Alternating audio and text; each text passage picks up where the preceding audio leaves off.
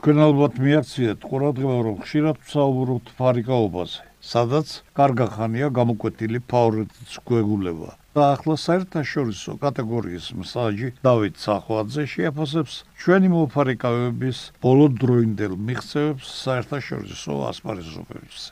მოგესალმებით პატრიცემულო რადიო მსმენელებო როგორც თქვენთვის ცნობილია წინა უქმეებზე განახლდა ფედერალური საქართველოს ფედერაციის სპორტულ ღონისძიებათა კალენდრის გათვალისწინებული შეჯიბრებები. პირველი შეჯიბრი ხმალში ტუნისში გრან-პრი, სადაც ჩვენმა სანდრო ბაზაძემ გაიმარჯვა, მოგეხსენება დღეს ყველა გზა პარიზის ოლიმპიური თამაშებისკენ მიდის და მან უდიდესი ნაბიჯი გადადგა. ლიცენზიაზე უკვე აღარ საუბრობთ, რომ მას ჯიბეში აქვს 233 სარეიტინგო ქულით. ფიეს ხვრით მოფარიკავე ვაშთა რეიტინგს ლიდერობს სანდრო და ის დღეს საუკეთესო ფორმაშია და მაგრამ კიდევ მეტი უნდა იმისათვის რომ ესე გააგრძელოს სტაბილურად და სადაც შეხვდეს პარიზის ოლიმპიურ თამაშებს ეს ახლა ავსტრიაში გაემგზავრება და იქ გაივლის სპეციალურ სამედიცინო შემოწმებას, შემდეგ ისევ დაუბრუნდება ორლეანს თავის ძნელს კრისტიან ბაუერს და გააგზელებს ვარჯიშებს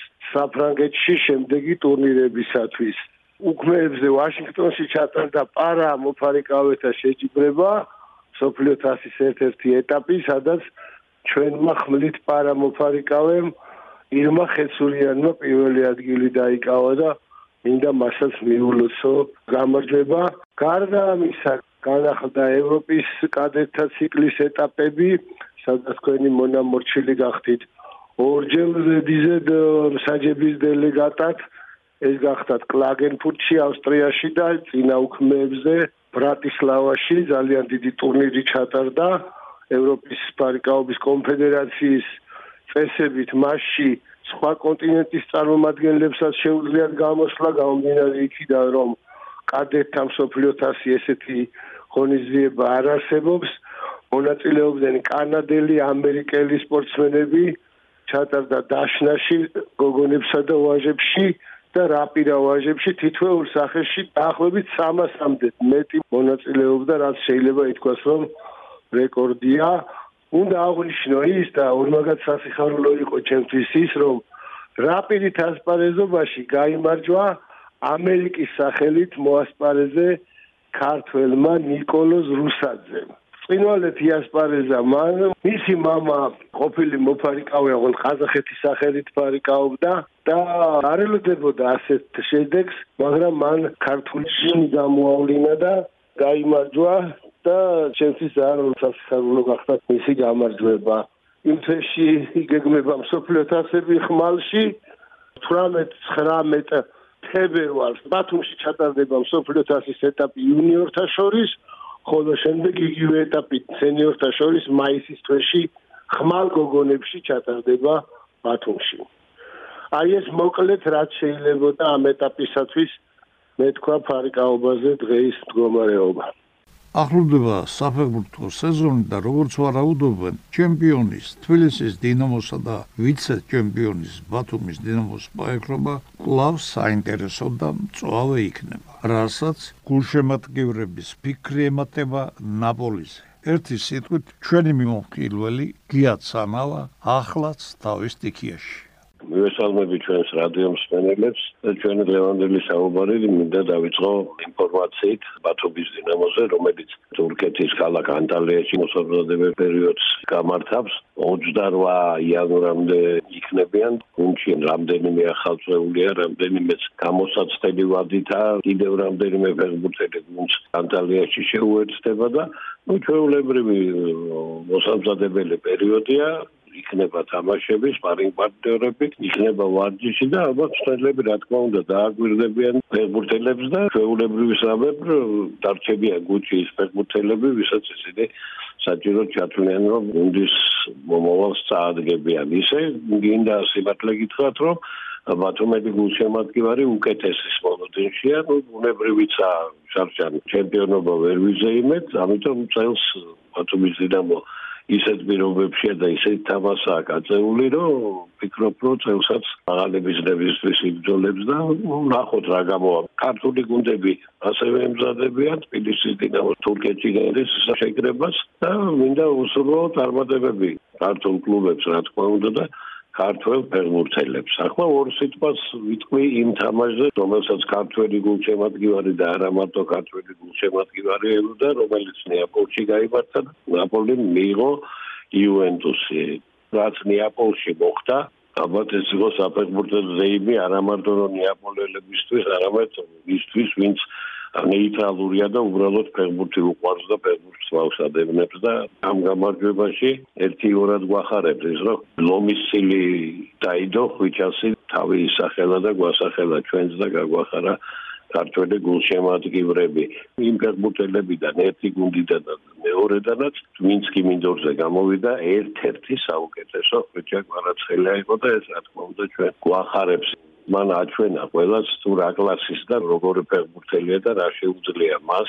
ყველაფერი მიდის ისე როგორც საჭიროა შემდეგ ტურში სალერნიტანაში გადის ნაპოლი და ახლა ყველა თამაშს გადამწყვეტი მნიშვნელობა აქვს იმიტომ რომ ყველაზე ახლომდებარე მილანი გახლავთ რომელსაც 9 ქულით უსრებს. 9 ქულა არ არის ცოტა მაგრამ იტალიაში ამის განმეავებაც რა თქმა უნდა შეიძლება, იმიტომ რომ ძალიან ძლიერი გუნდებია მოგეხსენებათ მილანიც, ინტერიც, იგივე იუვენტუსი. ამიტომ თავარი ბრძოლები და დიდი ბრძოლები მე ვფიქრობ ნაპოლის წინააღ და რატომღაც მჯერა რომ ის იმ მიზანს მიაღწევს, ვისაც ახლა იბრძვის და არა მარტო იმ მიზანს, რასაც გუნდეთო ქვია მე უფრო სხვა პერსპექტივებს და ალბათ ის სპეციალისტები რომლებიც ამაზე საუბრობენ რომ სხვა პერსპექტივას ანუ ჩემპიონთა ლიგის პერსპექტივაც ჩანს ამაში აბსოლუტურად მეთანხმები და ვიზიარებ.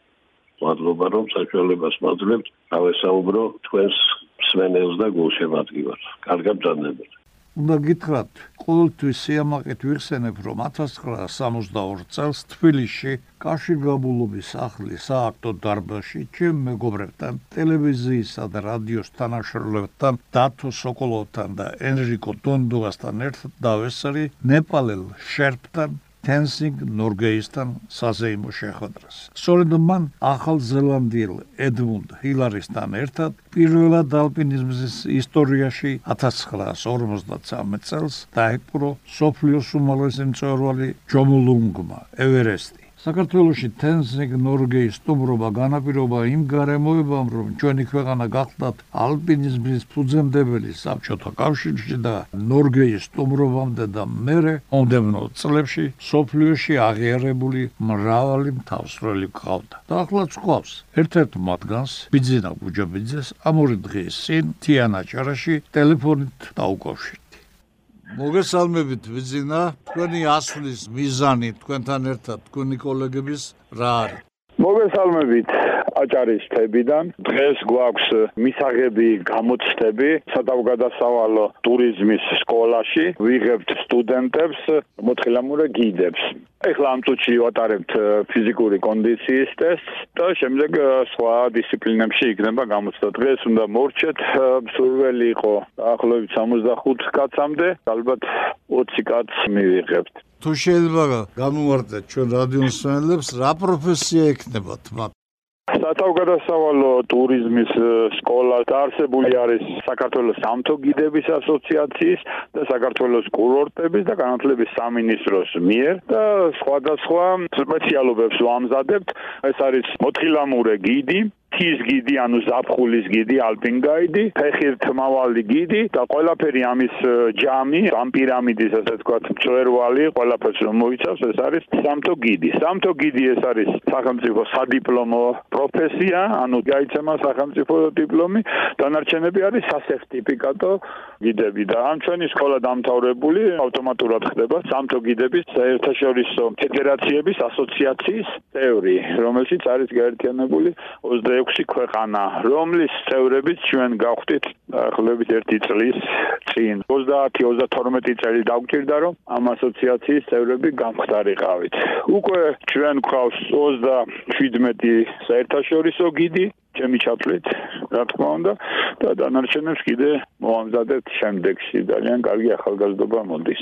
ახალგაზრდობა მოდის ეგ ძალიან კარგია და რა პერსპექტივა აქვს მათ თქვა იგივე პამირზე რო წავიდნენ კავკასიონზე თავისთავად საერთაშორისო გიდების არსებობა ქვეყანაში ეგ უკვე ძალიან სერიოზულს ხდის ავტორიტეტულს ხდის ქვეყნის ტურიზმს, ექსტრემალურ ტურიზმს, ფის ტურიზმს, ბევრი გიდი, ბევრი სტუმარი, ბევრი ჯგუფები, ბევრი ტურისტული კომპანიები უმეტესად ჩამოდიოდნენ საკუთარი გიდებით.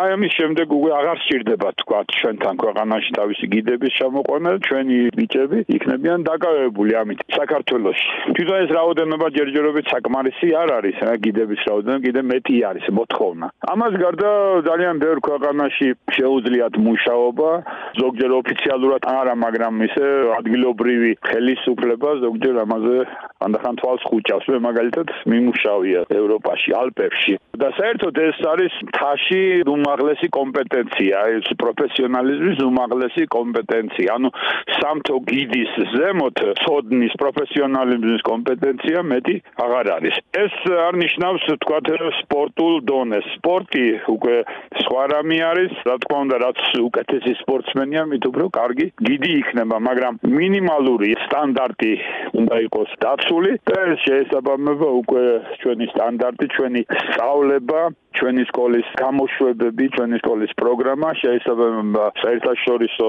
სტანდარტებს. ამას ადასტურებს ის, რომ ყველა გამოცდაზე ჩამოდიან უცხო ყოველი ექსპერტები და ესწრებიან ამ გამოცდებს, თვითონ იბარებენ გამოცდებს, გარდა იმისა, რომ ამოწმებენ ჩვენს მომზადებულ სტუდენტებს, ასევე გამოწმებენ ჩვენს, რომ როგორი არის დონე. არის ქვეყნები, რომელთაც ეს გააუქმეს, ახლა ზუსტად ვერ გავიხსენებ, რომლებია, მაგრამ ამდენმე ევროპული ქვეყანა, რომელთაც შეუჩერეს ეს სტატუსი. ჩვენ ყოფილი საბჭოთა კავშირის ქვეყნებიდან, რესპუბლიკებიდან პირველები ვიყავით, რომლებიც გავხდით კანდიდატები, მაგრამ შემდეგ ყირგიზეთმა მოგვასწრო და ისინი არიან და ამჯერად მარტო ყირგიზეთი და საქართველოს არის ამ ასოციაციის წევრები. დანარჩენი ქვეყნები ცდილობენ, მაგრამ ჯერჯერობით ვერ ახერხებენ. ვიზინოთ ალპინიზმის ახსენეთ თქვენ და ეხლა მე მხარე მაინტერესებს. საქართველოს პოზიციები ყოველთვის მოწინავე იყო საერთაშორისო ალპინიზმში და რა მდგომარეობა ამ ბოლო პერიოდში და დღეს რასურად იხატება წელს ძალიან დიდი საჩუქარი და დღესასწაული მოგვიწყვეს ჩვენმა ახალგაზრდამ თამსვლელებმა. ეს არის ბადრიაშვილი ტეფნაძე გელაშვილი რომლებაც მიიღეს ალპინიზმში უმაღლესი ჯილდო. ეს არის ოქროს წერაყინი. მთელი მსოფლიოს მასშტაბით ფასტება საუკეთესო ასვლა წლის საუკეთესო ასვლა და ეს ასვლა გადახორციელებს მათ პაკისტანში და ძალიან გაგვახარეს. ჩვენი თამსვლელების პროფესიონალიზმში დარწმუნებული ვიყავი რა თქმა უნდა მაგრამ თვითონ აი ამ ჯილდოს მართალი გითხრათ არ მოველოდი რა და არც ფიქრობდი რომ აი ჩემს ციცოცხლეში მოგვესწრებოდა რა და ბედნიერი ვარ რა რომ ამას შევესწარი ასე ბედნიერია ჩვენი საზოგადოება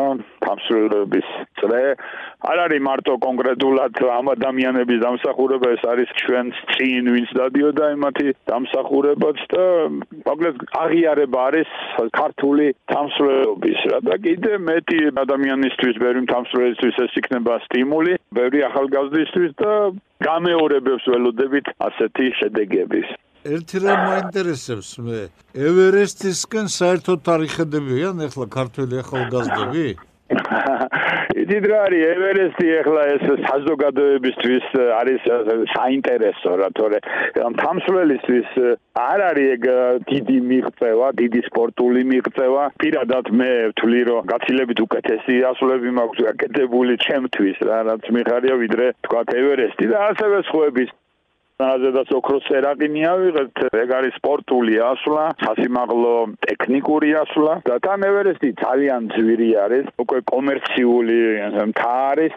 ამიტომ თუ დაურჩებათ შანსი, რა თქმა უნდა, ბევრ თამსვლელს შეუძლია ავიდეს, ბევრ ქართველ თამსვლელს აქვს ამის პოტენციალი, უკვე გამოცდილება, ფიზიკური შესაძლებლობა. ევერესტი ასვლა ძალიან ბევრს შეუძლია და ესეთი მარშრუტის გამეორება მხოლოდ ერთეულებს დედამიწაზე.